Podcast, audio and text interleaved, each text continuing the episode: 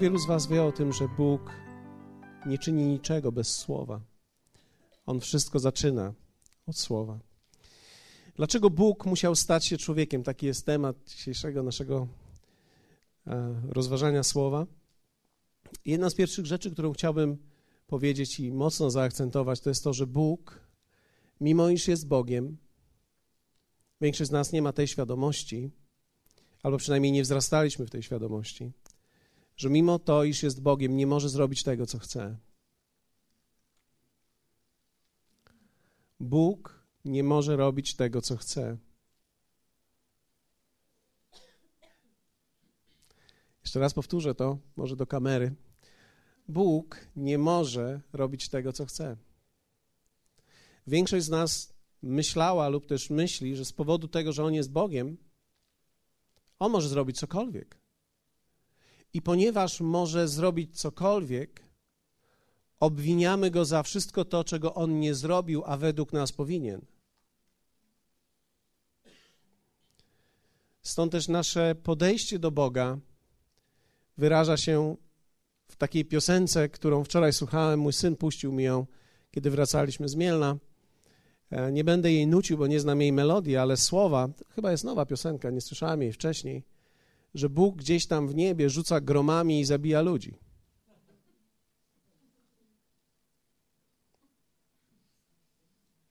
No, jest nowa piosenka, nie znacie jej, ale pewnie poznacie ją, nie będziecie słuchali radia. Mój syn słucha radia. Puścił mi najnowszą piosenkę i pokazał mi. jeszcze był jakiś tam tekst ciekawy.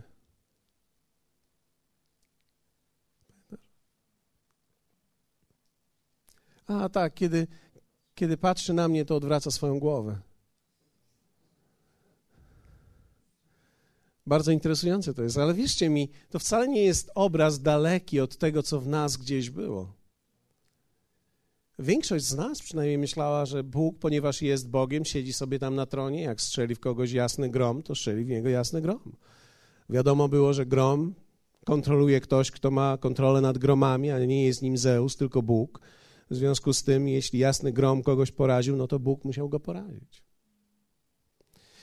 Trudno nam uświadomić sobie, że Bóg nie może zrobić tego, co chce. Myślę, że w ogóle wynika to z definicji, że Bóg jest miłością. Miłość nie robi tego, co chce. Więc jeśli Bóg jest miłością, Bóg nie może zrobić tego, co chce. Dlatego, że Bóg zawsze wychodzi na zewnątrz siebie. Bóg nie może zrobić tego, co chce. Bóg nie jest siedzącym na tronie rozkapryszonym i znudzonym Bogiem. Całą wieczność już siedzi na tronie. Powstała ludzkość, jest bardzo dużo ludzi. Czas przejść do zabawy. Więc pobawię się troszeczkę nimi. Tak nie jest. Słowo wyraźnie pokazuje nam, kiedy zaczynamy czytać Biblię, tak w ogóle to powiem, że to nie od czytania Biblii przychodzi objawienie słowa, ale od rozważania tekstu, który czytam. Co jest bardzo ważne, bo wielu ludzi czyta Biblię i nic z tego nie mają. To rozważanie tekstu słowa przy, przychodzi, poprzez rozważanie tekstu słowa przychodzi objawienie do naszego wnętrza, nie przez samo czytanie. Więc kiedy czytasz Biblię i czytasz od początku, On dał człowiekowi ziemię i władzę nad nią. I człowiek poddał swoją władzę diabłu poprzez posłuszeństwo jemu. Wiecie, problem Adama nie był taki, że on zjadł owoc. To nie za jedzenie owocu człowiek wyszedł z raju. Ale dlatego, że Bóg powiedział mu, żeby nie jadł. Jesteście ze mną? I e, to jest wielka różnica. Jeśli pomyślicie przez chwilę głęboko, to zobaczycie, że to nie z powodu jedzenia, ale z powodu tego, że zjadł coś, co Bóg powiedział wcześniej, że nie wolno ci jeść. Na tym polegało nieposłuszeństwo. Nieposłuszeństwo, które doprowadziło nas do życia samymi sobą i dla samych siebie. Biblia również mówi, że w Adamie wszyscy dziedziczymy jego naturę. Inaczej mówiąc, każdy z nas, gdy zradza się tutaj na tej ziemi, jest egoistyczny, skoncentrowany na sobie, żyjący z dala od Boga, bez względu na to, w jak bardzo religijnej rodzinie jesteś wychowany. To nie ma znaczenia. Dopóki bowiem nie jest złamana natura, która jest wewnątrz ciebie, nic się nie może zmienić. Twoje życie się nie zmienia poprzez ilość ołtarzy wokół Twojego życia. Twoje życie się zmienia, kiedy Twój własny wewnętrzny ołtarz jest zburzony. Ty schodzisz z tronu i Jezus powstaje i staje się Panem. Nie ma znaczenia, jak bardzo mocno religią się otoczymy, tak długo, kiedy my siedzimy na tronie naszego własnego serca i składamy hołdy naszemu własnemu ołtarzowi, który sami zbudowaliśmy, nic się zmienić w życiu naszym nie może. Dlatego potrzebny jest nowy człowiek. Więc teraz powiedzieliśmy, że Bóg dał człowiekowi ziemię we władanie, człowiek, czyli Adam, przekazał ją diabłu. Legalne transakcje. Bóg przekazał ją legalnie człowiekowi, poprzez to, w jaki sposób człowiek poddał się diabłu przez nieposłuszeństwo Bogu, przekazaliśmy jemu władzę nad ziemią, nie własność. Ziemia zawsze należała do Pana. Władzę jednak nad nią otrzymaliśmy i przekazaliśmy ją. Dlatego też to, co widzimy na świecie, to widzimy dzisiaj konsekwencje tego, że człowiek odpuścił posłuszeństwo i wszedł w nieposłuszeństwo, przekazał diabłu własność, w związku z tym diabeł ma legalne prawo do zarządzania tym systemem świata. Plus została zniszczona wewnętrzna natura człowieka, którą była społeczność z Bogiem, i poprzez nasze oddzielenie wewnętrzne od Boga, człowiek, żyjąc dla samego siebie, niszczy samego siebie. Każda istota, która żyje dla siebie, niszczy siebie.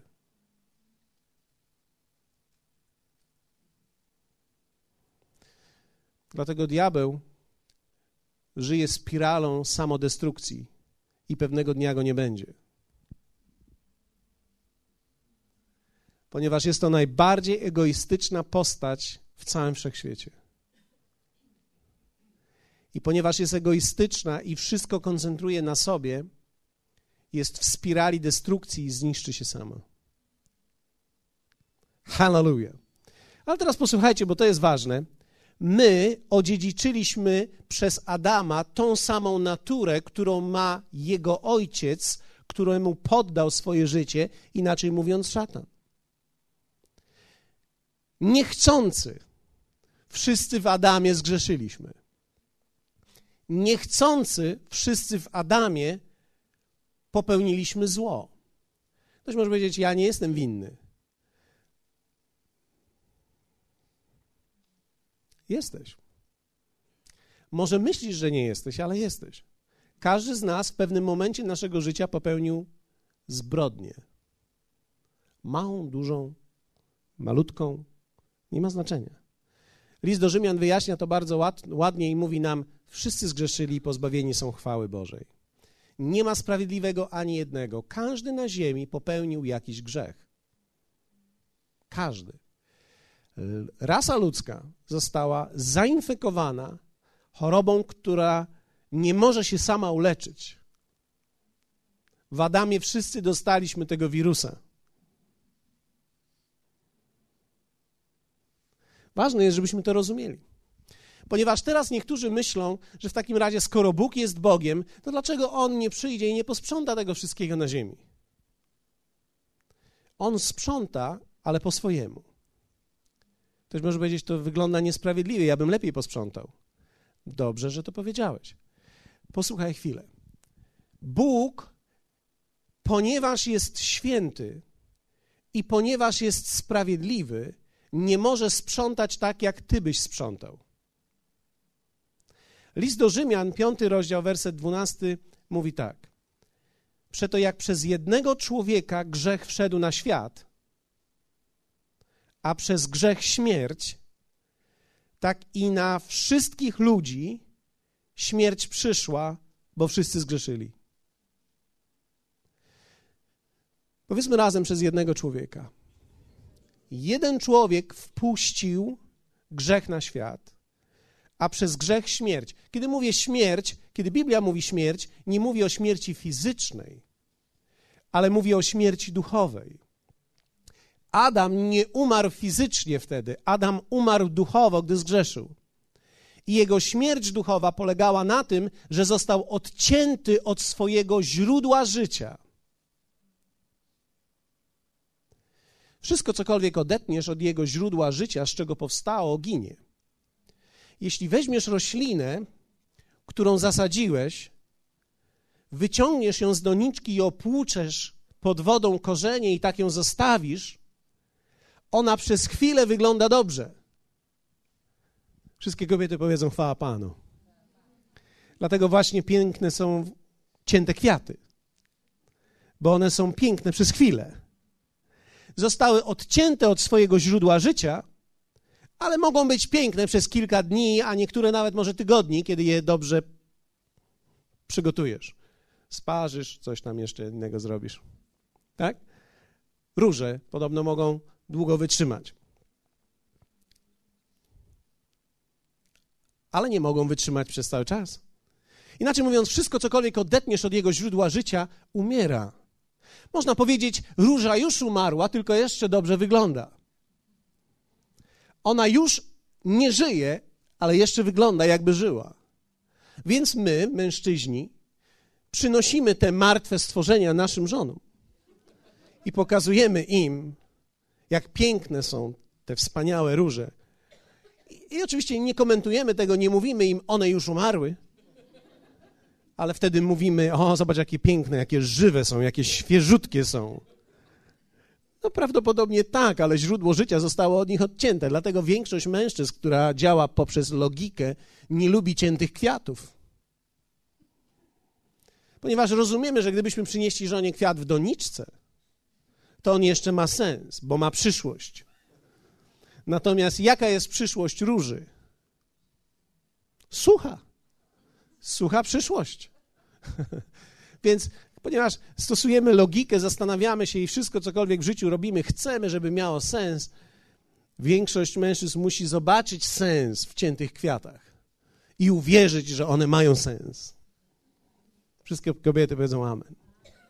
My musimy po prostu w to uwierzyć. My nie widzimy sensu. Staramy się, ale nie możemy tego zobaczyć. Jest taka jedna mała różnica. Kobiety i mężczyźni to zupełnie dwie różne istoty.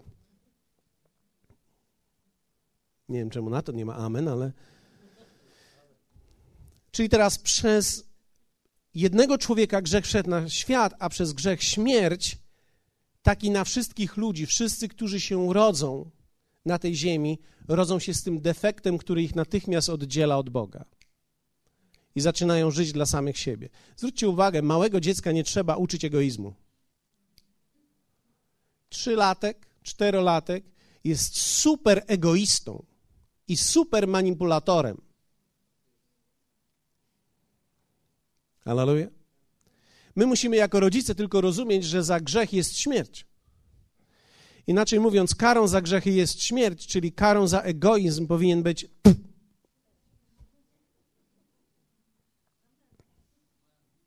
Ktoś z Was może stosuje rózgę, ktoś z Was może stosuje szczebelek do, do łóżeczka. Każdym razie nie ma czegoś takiego jak bezstresowe wychowanie. Bezstresowo to możemy wyhodować godzillę. Egocentryczną. Ktoś może powiedzieć, chcesz w takim razie zabić swoje dziecko? Nie, ja chcę, żeby ono żyło. Ja muszę zabić w nim to, co ma być zabite. Bo jeśli nie zabijemy egoizmu i rozumienia, że karą za grzechy jest śmierć, ono całe życie będzie chodziło, myślało, że wszystko w życiu to jest kwestia umowy Inaczej mówiąc, jeśli ja żyję bez Boga, to ja się z nimi tak dogadam. Jak nie teraz przed śmiercią, to później po śmierci. Ktoś mnie zawsze jakoś przepchnie do nieba. Takiego czegoś nie ma. Przeto jak przez, ale to nie jest lekcja o wychowaniu, będziemy mieli takie coś. Przeto jak przez jednego człowieka grzech wszedł na świat, a przez grzech śmierć, czyli oddzielenie od Boga, tak i na wszystkich ludzi, bo wszyscy zgrzeszyli. Czyli teraz sprawiedliwość Boża i szacunek do człowieka nie pozwala Bogu działać bez człowieka. Czyli ponieważ Bóg jest sprawiedliwy, ponieważ On przekazał nam ziemię, Gienku, czy ja mógłbym poprosić Ciebie na chwilę tutaj? Dziękuję Ci bardzo. Teraz, jeśli to jest ziemia, ja jestem Bogiem. Może wezmę coś innego, żeby nie reklamować jakiejś firmy, albo może nie, żeby jeszcze... No, same firmy są. Okay. Mam tutaj pewien przedmiot, to jest ziemia, stworzyłem ją i teraz stworzyłem również Ciebie. Stworzyłem najpierw ziemię, później Ciebie i teraz przekazuję Tobie tą ziemię we władanie. Kto ma prawo do tej ziemi teraz? Człowiek. Oczywiście trudno jest wyobrazić sobie mnie jako Boga, Gienka jako człowieka łatwiej, ale teraz ktoś musi zagrać rolę diabła. Kto się dobrze czuje w tej roli? Niektóre żony mówią, mój mąż. Darek Gostek. Padła taka propozycja, ale on chyba z dziećmi jest dzisiaj. Okej. Okay. Mateusz, musisz podejść tutaj i zagrać tą rolę. W rodzinie zostanie. Okej. Okay. Wyczyścimy to później. I teraz ja przekazałem ziemię człowiekowi. Teraz człowiek poprzez swoje nieposłuszeństwo przekazał władzę nad tą ziemią diabłu. Kto teraz legalnie posiada władzę do tej ziemi? Diabeł. Człowiek jej też nawet nie ma. Widzicie to? Człowiek jest teraz zagubiony, ponieważ jest z dala ode mnie, poddany w niewolę diabłu, musi żyć na tej ziemi, więc jakoś z ziemią jest związany, więc teraz on jest zagubiony. Nie wie, co ma w swoim życiu zrobić.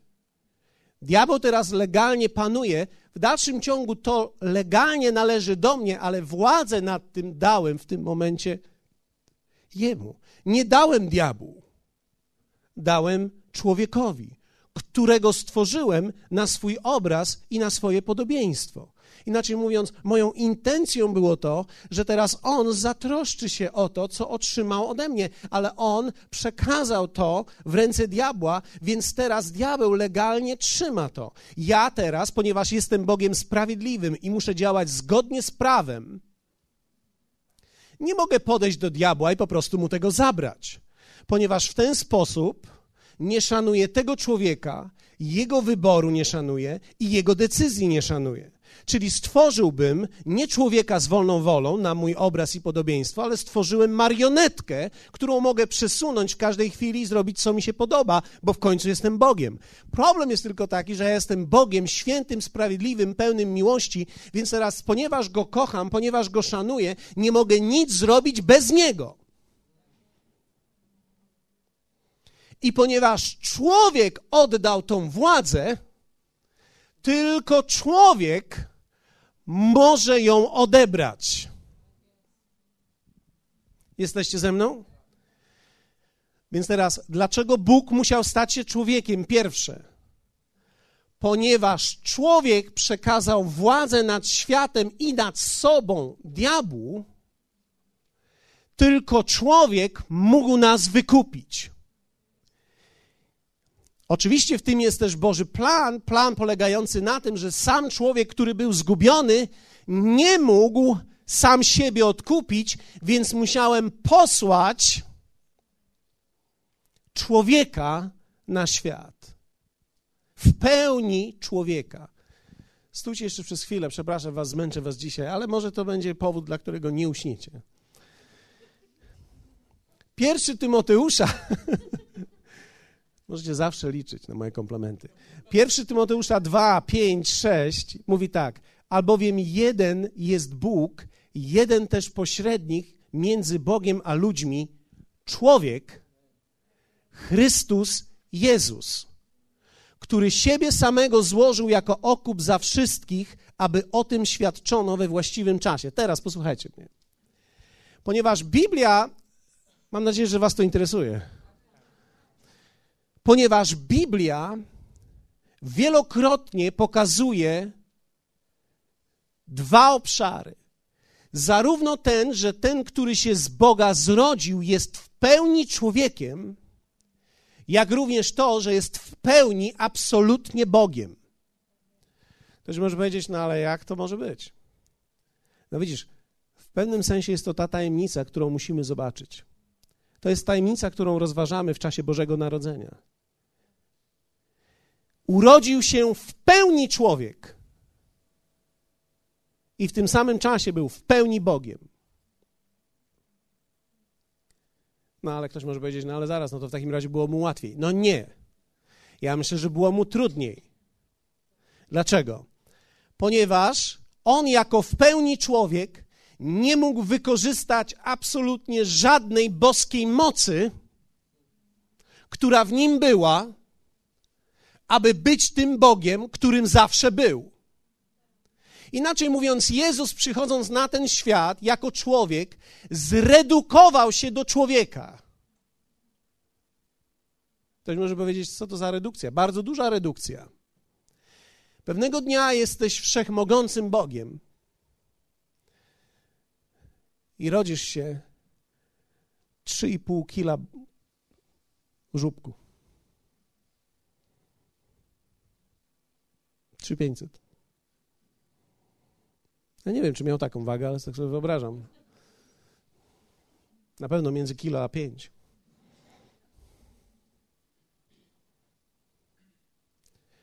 W pełni człowiek.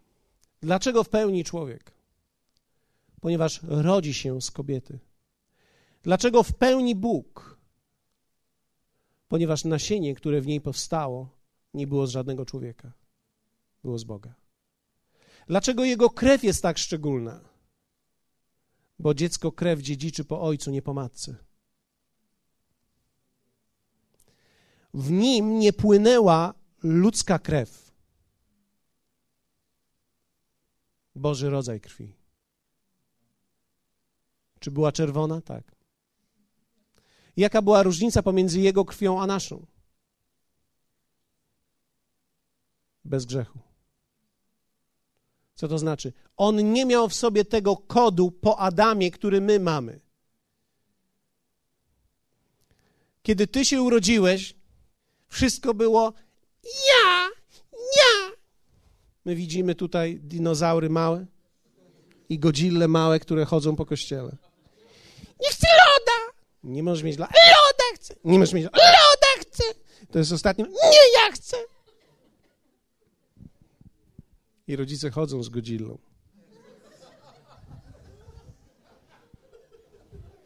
I hodują godzillę. Kiedy Jezus się urodził, nie było nic o nim. Kiedy miał 12 lat, 12 lat, czyli jeszcze przed wiekiem buntu, no teraz mamy wiek buntu, tak? 13, 14, 15, dzieci są zbuntowane. Wiesz dlaczego? Bo nie zabiłeś Godzilli, jak miała 3 lata. Wyhodowałeś ją do 14, 15, 16 roku życia. I Godzilla jest już duża i ma więcej możliwości teraz.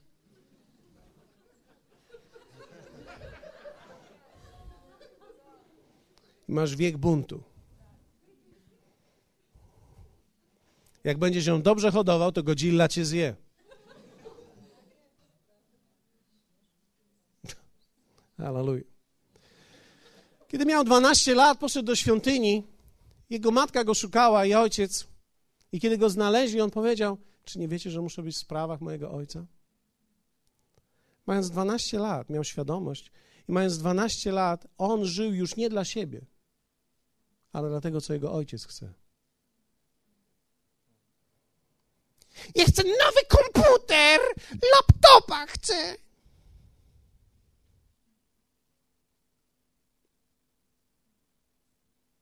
Nie wiem, jak brzmi Twoja godzilla. Nie wiem, co mówi do Ciebie. Ale czy to nie byłoby piękne, gdyby nasze dwunastolatki, które dobrze wychowywane od początku w kościele, godzilla padła, gdy miały 3, 4, 5, 6 lat, mają 12 lat, wszystkie chcą być na słowie, wszystkie chcą być w uwielbieniu, płaczą i wielbią Pana, ponieważ poddają swoje życie, swoje serce Jemu. Taki był Jezus.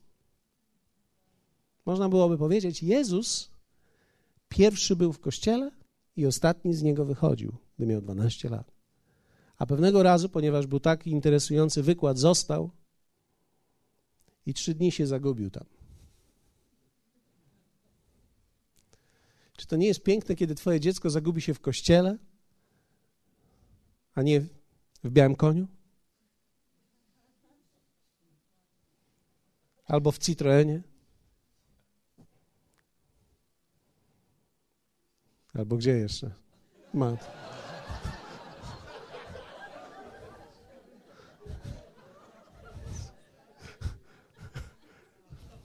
Boję się teraz mówić, prawda? Legalnie tylko człowiek, dlatego Biblia wyraźnie pokazuje dwie strony, absolutnie w Jezusie. Całkowicie człowiek i całkowicie Bóg.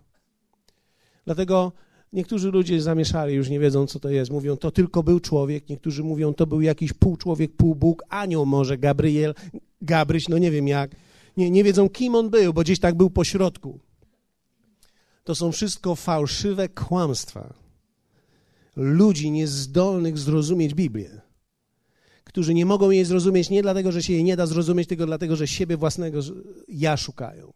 Bo gdy szukasz Jego, to Go znajdziesz. On był absolutnie Bogiem i absolutnie człowiekiem w tym samym czasie. I kiedy zrodził się jako człowiek, i teraz potrzebuje nowego człowieka, Artur, no ty zagrasz tą rolę, chyba musisz zagrać. Tą... No, nie, może weźmiemy jakiegoś młodego człowieka, żeby było nam lżej. Bo Artur, Łukasz, ty jest zawsze Jezusa grałeś ostatnio. Będziesz dobry. Ty się urodziłeś.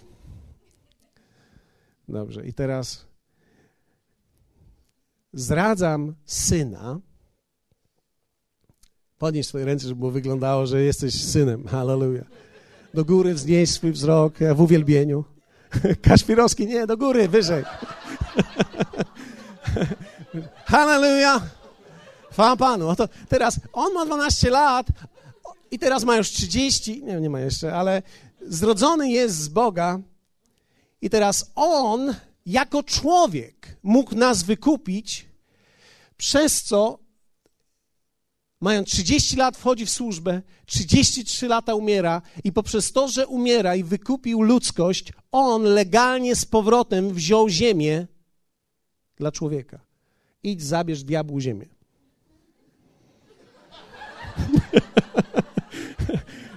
Sprawnie to zrobiłeś. Ok, hallelujah.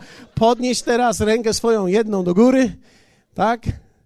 Hallelujah. I teraz mamy, mamy teraz nowego człowieka, którym jest Jezus który poprzez swoje człowieczeństwo wykupił nas z niewoli diabła i spod panowania jego i wykupił ziemię spod panowania diabła. W związku z tym teraz każdy, Biblia mówi, każdy, kto w nim nadzieję pokłada, i ufa Jemu, rodzi się na nowo i dołącza się do Jego rodziny. Dlatego Biblia mówi, że On jest pierworodnym, czyli pierwszym zrodzonym spośród wielu braci. Teraz, ponieważ Genek narodził się na nowo, on położył swoją ufność w Bogu, podniósł swoją ręce, rękę do góry i teraz Ty jesteś w Chrystusie z Chrystusem połączony. I teraz poprzez ufność Jemu zostałeś wyzwolony spod Jego panowania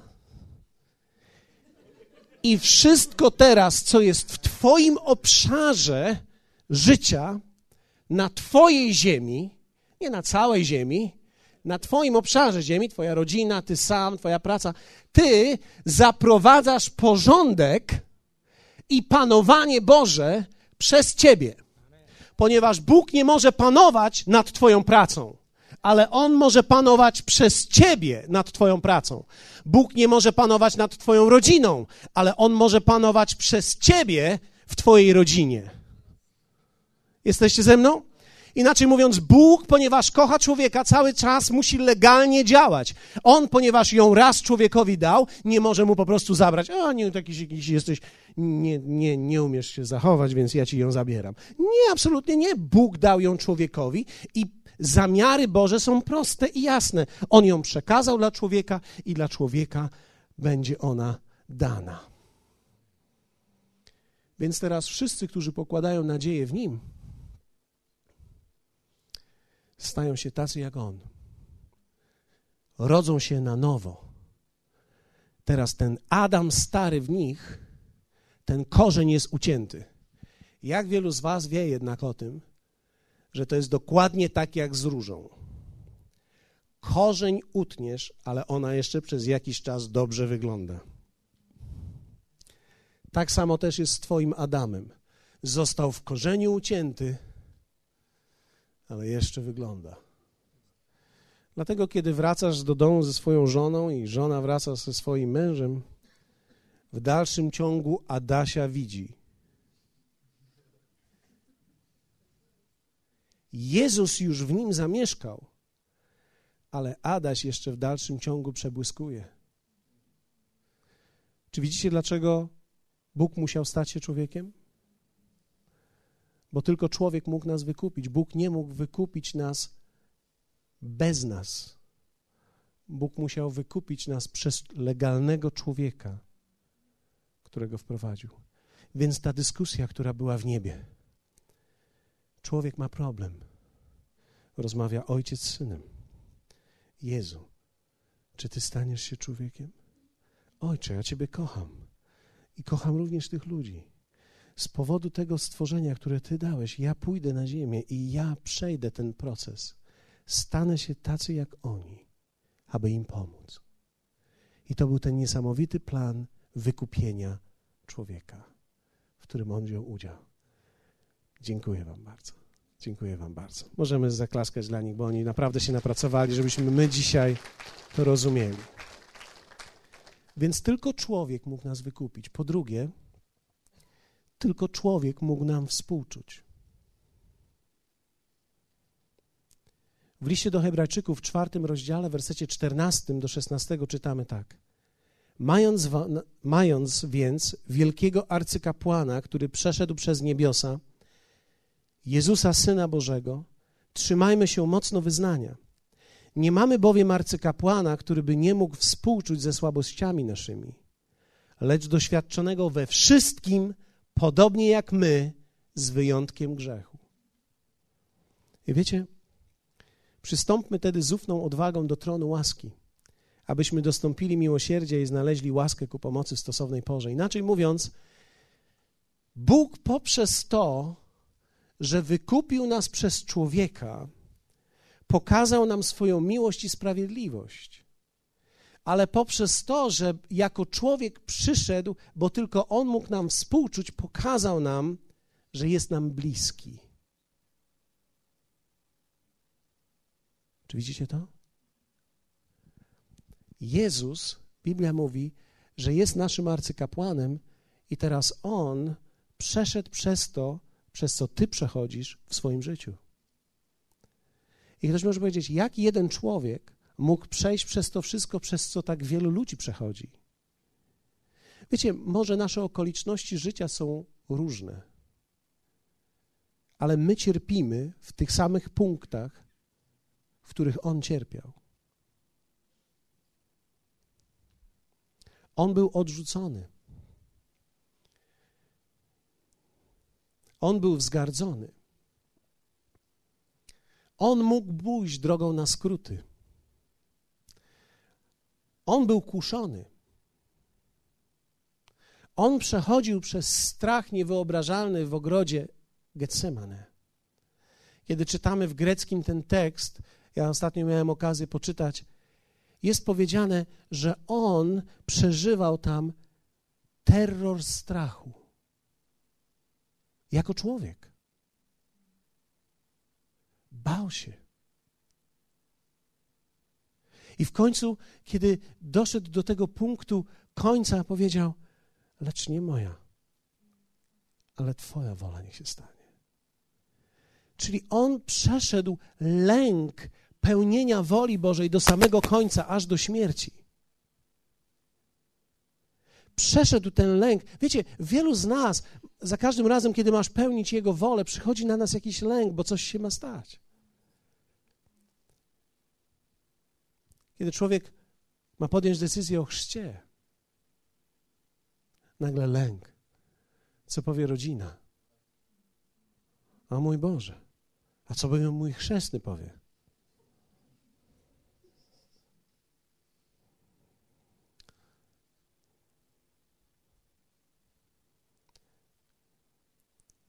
Gdy masz głosić, gdy masz gdy masz pójść w służbę, pamiętam jak ja powiedziałem mojemu ojcu,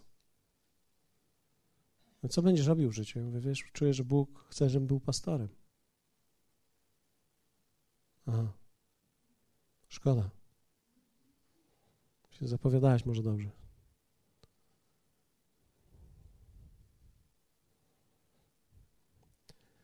Jest pewien lęk. A co teraz będzie z moim życiem? Musisz podjąć decyzję, że będziesz służył Bogu, a wiecie, to mogą być różne decyzje, ale to jest bardzo interesujące, kiedy dzieci w szkole mówią, kim jest twój tatuś? A moje dziecko musiało stać powiedzieć, pastorem. Bardzo interesujące uczucie. Kiedy ono wie, że nikt takiej odpowiedzi nie da. Inaczej mówiąc, skazuje się ono na to, że będzie określone jako Dziwak. Kim? To tak jakbyś powiedział, że księdzem.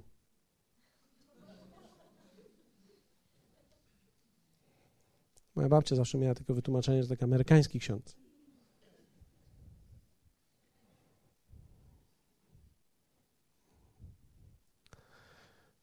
My podejmujemy takie decyzje i on przeszedł przez to wszystko.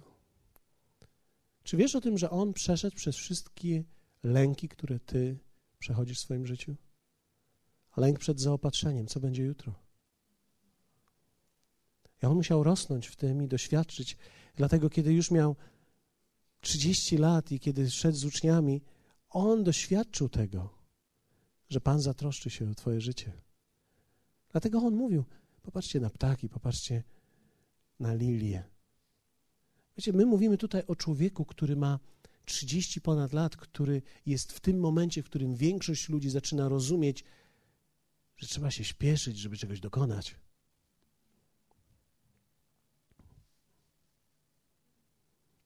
A więc musimy się zabrać do roboty, jakiś biznes, coś zrobić, zarobić, podnieść monetę, dźwignąć dwie, albo coś jeszcze, jak to, jakkolwiek by tośmy nie nazwali. A on powiedział: Popatrzcie na ptaki, popatrzcie na lilię. Inaczej mówiąc, miał całkowite zaufanie w tym momencie, ale on przeszedł przez te lęki. On musiał je skonfrontować. Dlatego Jezus jest nam tak bliski dzisiaj, ponieważ on nie żył z dala od nas, on żył tak jak my.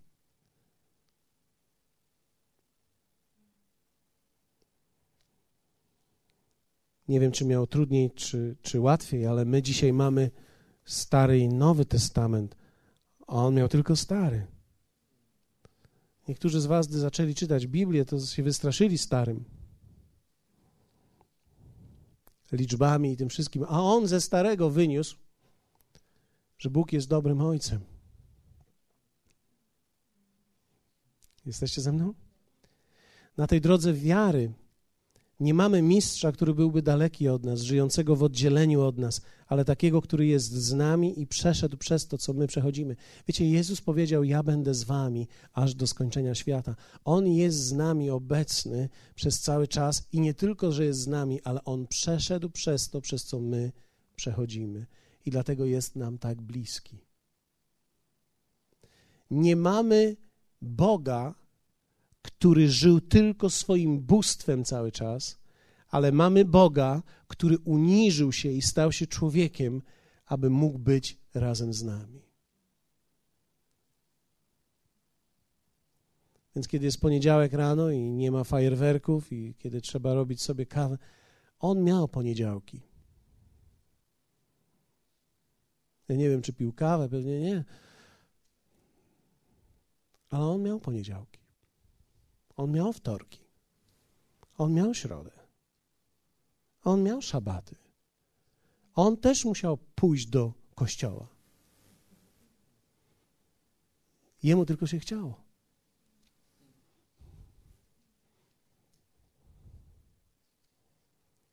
Przez to stał się nam bliski. Trzecie. Dlaczego Bóg musiał stać się człowiekiem? Bo tylko człowiek mógł stać się dla nas przykładem. W 1 Koryntian 15 czytamy: Tak też napisano: Pierwszy człowiek Adam stał się istotą żywą, ostatni Adam stał się duchem ożywiającym.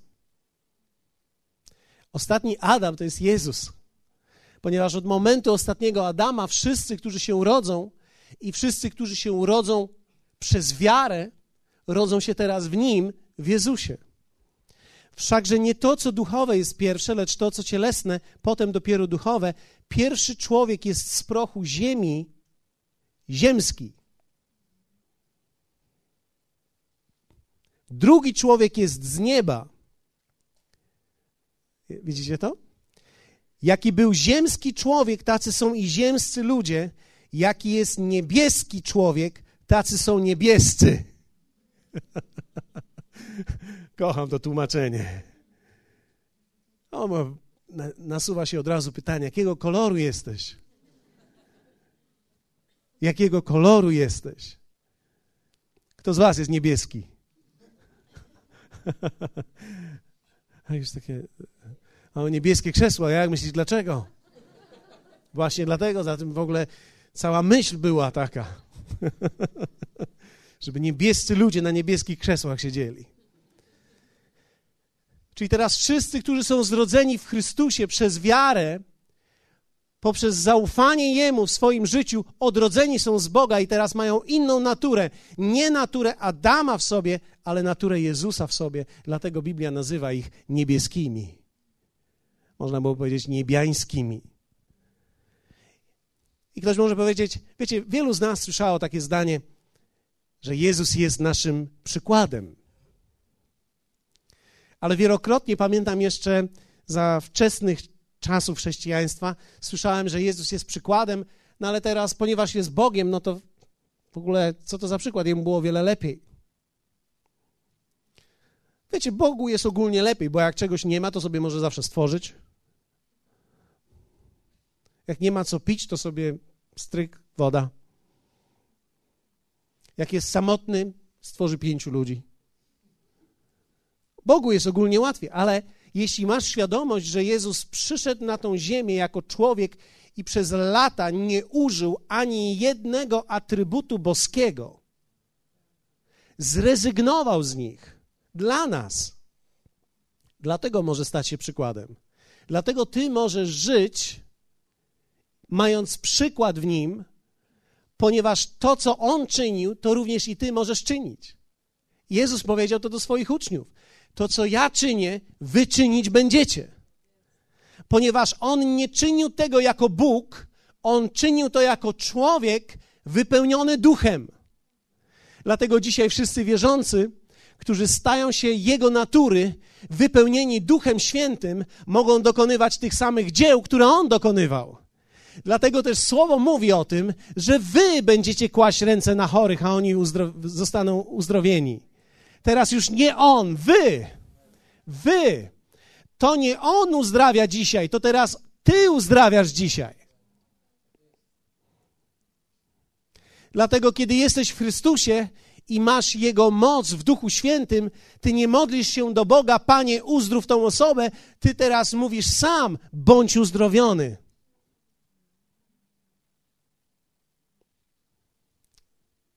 Jesteście ze mną? Przez to pokazał nam, jak zwyciężać. Jezus zwyciężył nad sobą. Zwyciężył nad światem. Światem mam na myśli nie, że pokonał forum albo Emkę. Nie, on pokonał system tego świata, system myślenia. Potrafił żyć w tym świecie myśląc inaczej. Czy ty potrafisz? To jest ważne. Zwyciężyć nad światem, nad systemem myślenia. On pokazał nam, jak zwyciężać w każdych okolicznościach, bez względu na to, czy zwyciężamy nad wszystkimi okolicznościami.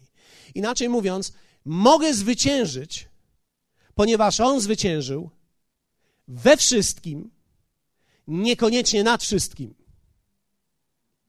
Czyli czasami coś może mnie pokonać. Nade mną może dokonać zwycięstwa, ale nie we mnie. Mogą rzeczy nam nie wyjść, ale na końcu i tak jestem zwycięzcą. Ponieważ nawet kiedy przez nie przechodzę w trudnych momentach, to może nie zwyciężam nad tym, co jest dla mnie trudne, ale zwyciężam w tym, co jest dla mnie trudne. Hallelujah. Jeśli okoliczności Twojego życia są trudne w tym momencie i nie możesz zwyciężyć nad nimi, to w dalszym ciągu możesz zwyciężyć w nich. Czy to nie byłoby interesujące, kiedy w trudnych okolicznościach byłbyś jedynym wewnątrz tych okoliczności, który w dalszym ciągu ma radość, ma pokój w sercu? Masz pewność, tą, o której śpiewaliśmy? Jezus pokazał nam, jak zwyciężyć we wszystkim i On zwyciężył też nad wszystkim. Hallelujah. Jesteście ze mną? Jeszcze raz powtórzę. Tylko człowiek mógł nas wykupić, ponieważ Bóg jest sprawiedliwy. Tylko człowiek mógł nam współczuć, musiał przejść przez to, przez co my przechodzimy. I tylko człowiek mógł stać się dla nas przykładem.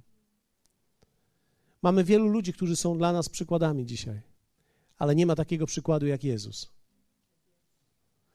Wiecie, często słyszymy dzisiaj, że ten człowiek jest przykładem, ten człowiek jest przykładem, ten człowiek jest przykładem. Wspaniali ludzie są przykładem i oni nas pobudzają i są na pewno dla nas inspiracją. Ale nie ma takiego przykładu jak Jezus. Nikt nie pokona Jezusa. On jest największym naszym przykładem. Przez to, że On stał się przykładem, ja i Ty możemy zwyciężyć w naszym życiu. Ponieważ On pokazał nam, jak zwyciężać. Powstańmy. Przeczytam wam fragment jeszcze, ponieważ list do Rzymian mówi nam o tym zwycięstwie. Apostoł Paweł powiedział tak: Albowiem jeśli przez upadek jednego człowieka, pamiętacie jak miał na imię? Jak miał na imię? Adam. Albowiem jeśli przez upadek jednego człowieka śmierć zapanowała przez jednego, o ileż bardziej ci, którzy otrzymują obfitość łaski i daru usprawiedliwienia królować będą w życiu przez jednego Jezusa Chrystusa. A zatem, jak przez upadek jednego człowieka przyszło potępienie na wszystkich ludzi, tak też przez dzieło usprawiedliwienia jednego przyszło dla wszystkich ludzi usprawiedliwienie ku żywotowi. Apostoł Paweł zestawia tutaj, co przyszło na nas przez Adama i co przyszło na nas przez Jezusa. I pierwszy z wersetów, w którym powiedział, to przyszło na nas zwycięstwo i królowanie.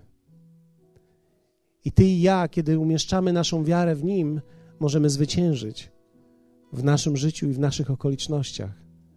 Hallelujah. Bo jak przez nieposłuszeństwo jednego człowieka wielu stało się grzesznikami, tak też przez posłuszeństwo jednego wielu dostąpił usprawiedliwienia. Ktoś może powiedzieć, to jest niesprawiedliwe, że ja mam wszystko to, co Adam miał. Ale teraz pomyśl. Bóg nie był niesprawiedliwy. Jak przez jednego wszystko przyszło zło, tak teraz przez jednego przyszło samo dobro. I z powodu Jezusa dzisiaj ty i ja mamy nadzieję. Wiecie, nie ma takiej wiary i takiej religii na świecie, żeby Bóg zredukował się i stał się człowiekiem, aby być dla nas przykładem, inspiracją, aby móc współczuć nam, aby mógł być bliski nam i aby legalnie nas wykupić. I teraz wiecie, ktoś Może powiedzieć, a co ze śmiercią? Nawet nad śmiercią zwyciężył. Bo gdy ona wyglądała, jakby zwyciężyła nad nim, autor słowa pierwszego listu do Koryntian mówi: Gdzież jest o śmierci zwycięstwo Twoje? Gdzież jest o śmierci żądło Twoje?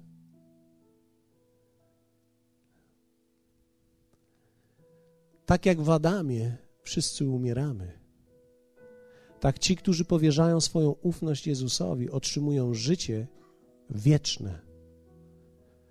Takie, jakie miał Adam przed grzechem. Dlatego, kiedy swoją ufność powierzyłeś w Jezusa, na wieki będziesz żył z Nim. Pomyśl tylko przez chwilę. Nie tylko będziesz żył na wieki, ale będziesz żył na wieki z Panem. Czyż to nie jest cudowne? Takiego mamy arcykapłana, który nie jest daleki od nas. Wielu ludzi ma obraz Boga, że on jest gdzieś daleko. Ale on się zredukował jako człowiek. Przeżył to życie przed nami. I na dodatek powiedział: Zawsze będę z wami. Jezus Chrystus jest z Tobą tam, gdzie Ty jesteś. Jezus jest z Tobą w Twoich okolicznościach. Jezus jest z Tobą wtedy, kiedy czujesz się samotny. Jezus jest z Tobą wtedy, kiedy cierpisz z powodu na przykład braku pracy albo braku zaopatrzenia. Kiedy zastanawiasz się, On tam jest i z powodu Jego bliskości możesz sięgnąć po tą nadzieję i powiedzieć: Ja chcę mieć to, co Ty miałeś. Ja chcę patrzeć na życie Twoimi oczami, bo Ty je przeżyłeś. Kiedy przychodzą jakiekolwiek lęki na Ciebie, możesz być wolny od nich. Wiecie, jak, jakże to jest cudowne, że możemy nasze życie powierzyć takiemu Bogu. Chciałbym, żebyśmy przez chwilę chociaż podnieśli nasze ręce i powiedzieli Mu dziękuję za to, że przyszedłeś. Podziękuj Mu za to, że stał się człowiekiem. Dziękuję Ci, Jezu. Dziękuję Ci za to, że stałeś się człowiekiem. Dziękuję Ci, że przeszedłeś tą drogę przede mną. Dziękuję Ci, że możesz być dzisiaj przykładem dla mnie.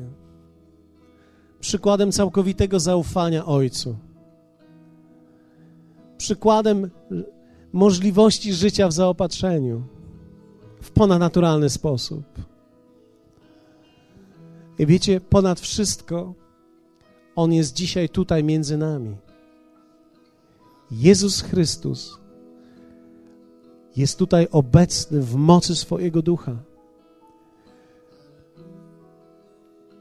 I On chce wzmocnić Ciebie. On chce pomóc Tobie. On chce zachęcić Ciebie swoim uśmiechem, swoim słowem. On chce Ci powiedzieć: Hej, pójdź moją drogą, pójdź za mną.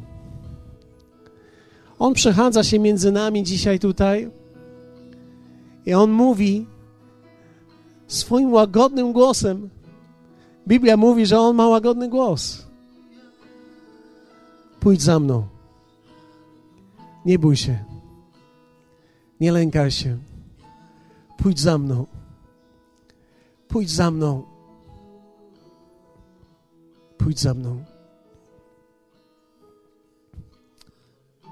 Wiecie, Jezus nikogo nie potępia. Nikogo.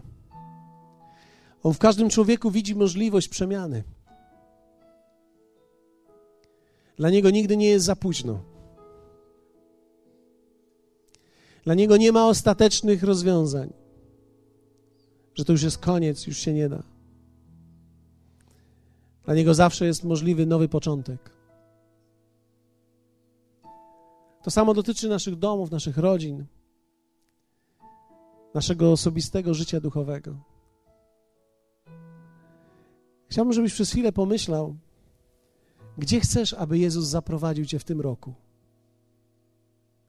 Jeśli chcesz podążyć Jego drogą, jak daleko chcesz pójść za Nim? Czy chcesz podążyć za Nim dalej? Odpowiadamy na to w naszych sercach. To nie mi odpowiadasz, to Jemu odpowiadasz. Chciałbym zachęcić Ciebie, abyś powiedział Jemu: Tak, pójdę za Tobą. Pójdę za Tobą wszędzie tam, gdzie mnie prowadzisz. Pójdę za Tobą tam, gdzie wyznaczasz mi drogę. Boję się, tak, boję się, ale Ty też się bałeś, dlatego w Twoim lęku jest nadzieja dla mnie, bo Ty pokonałeś go. Hallelujah.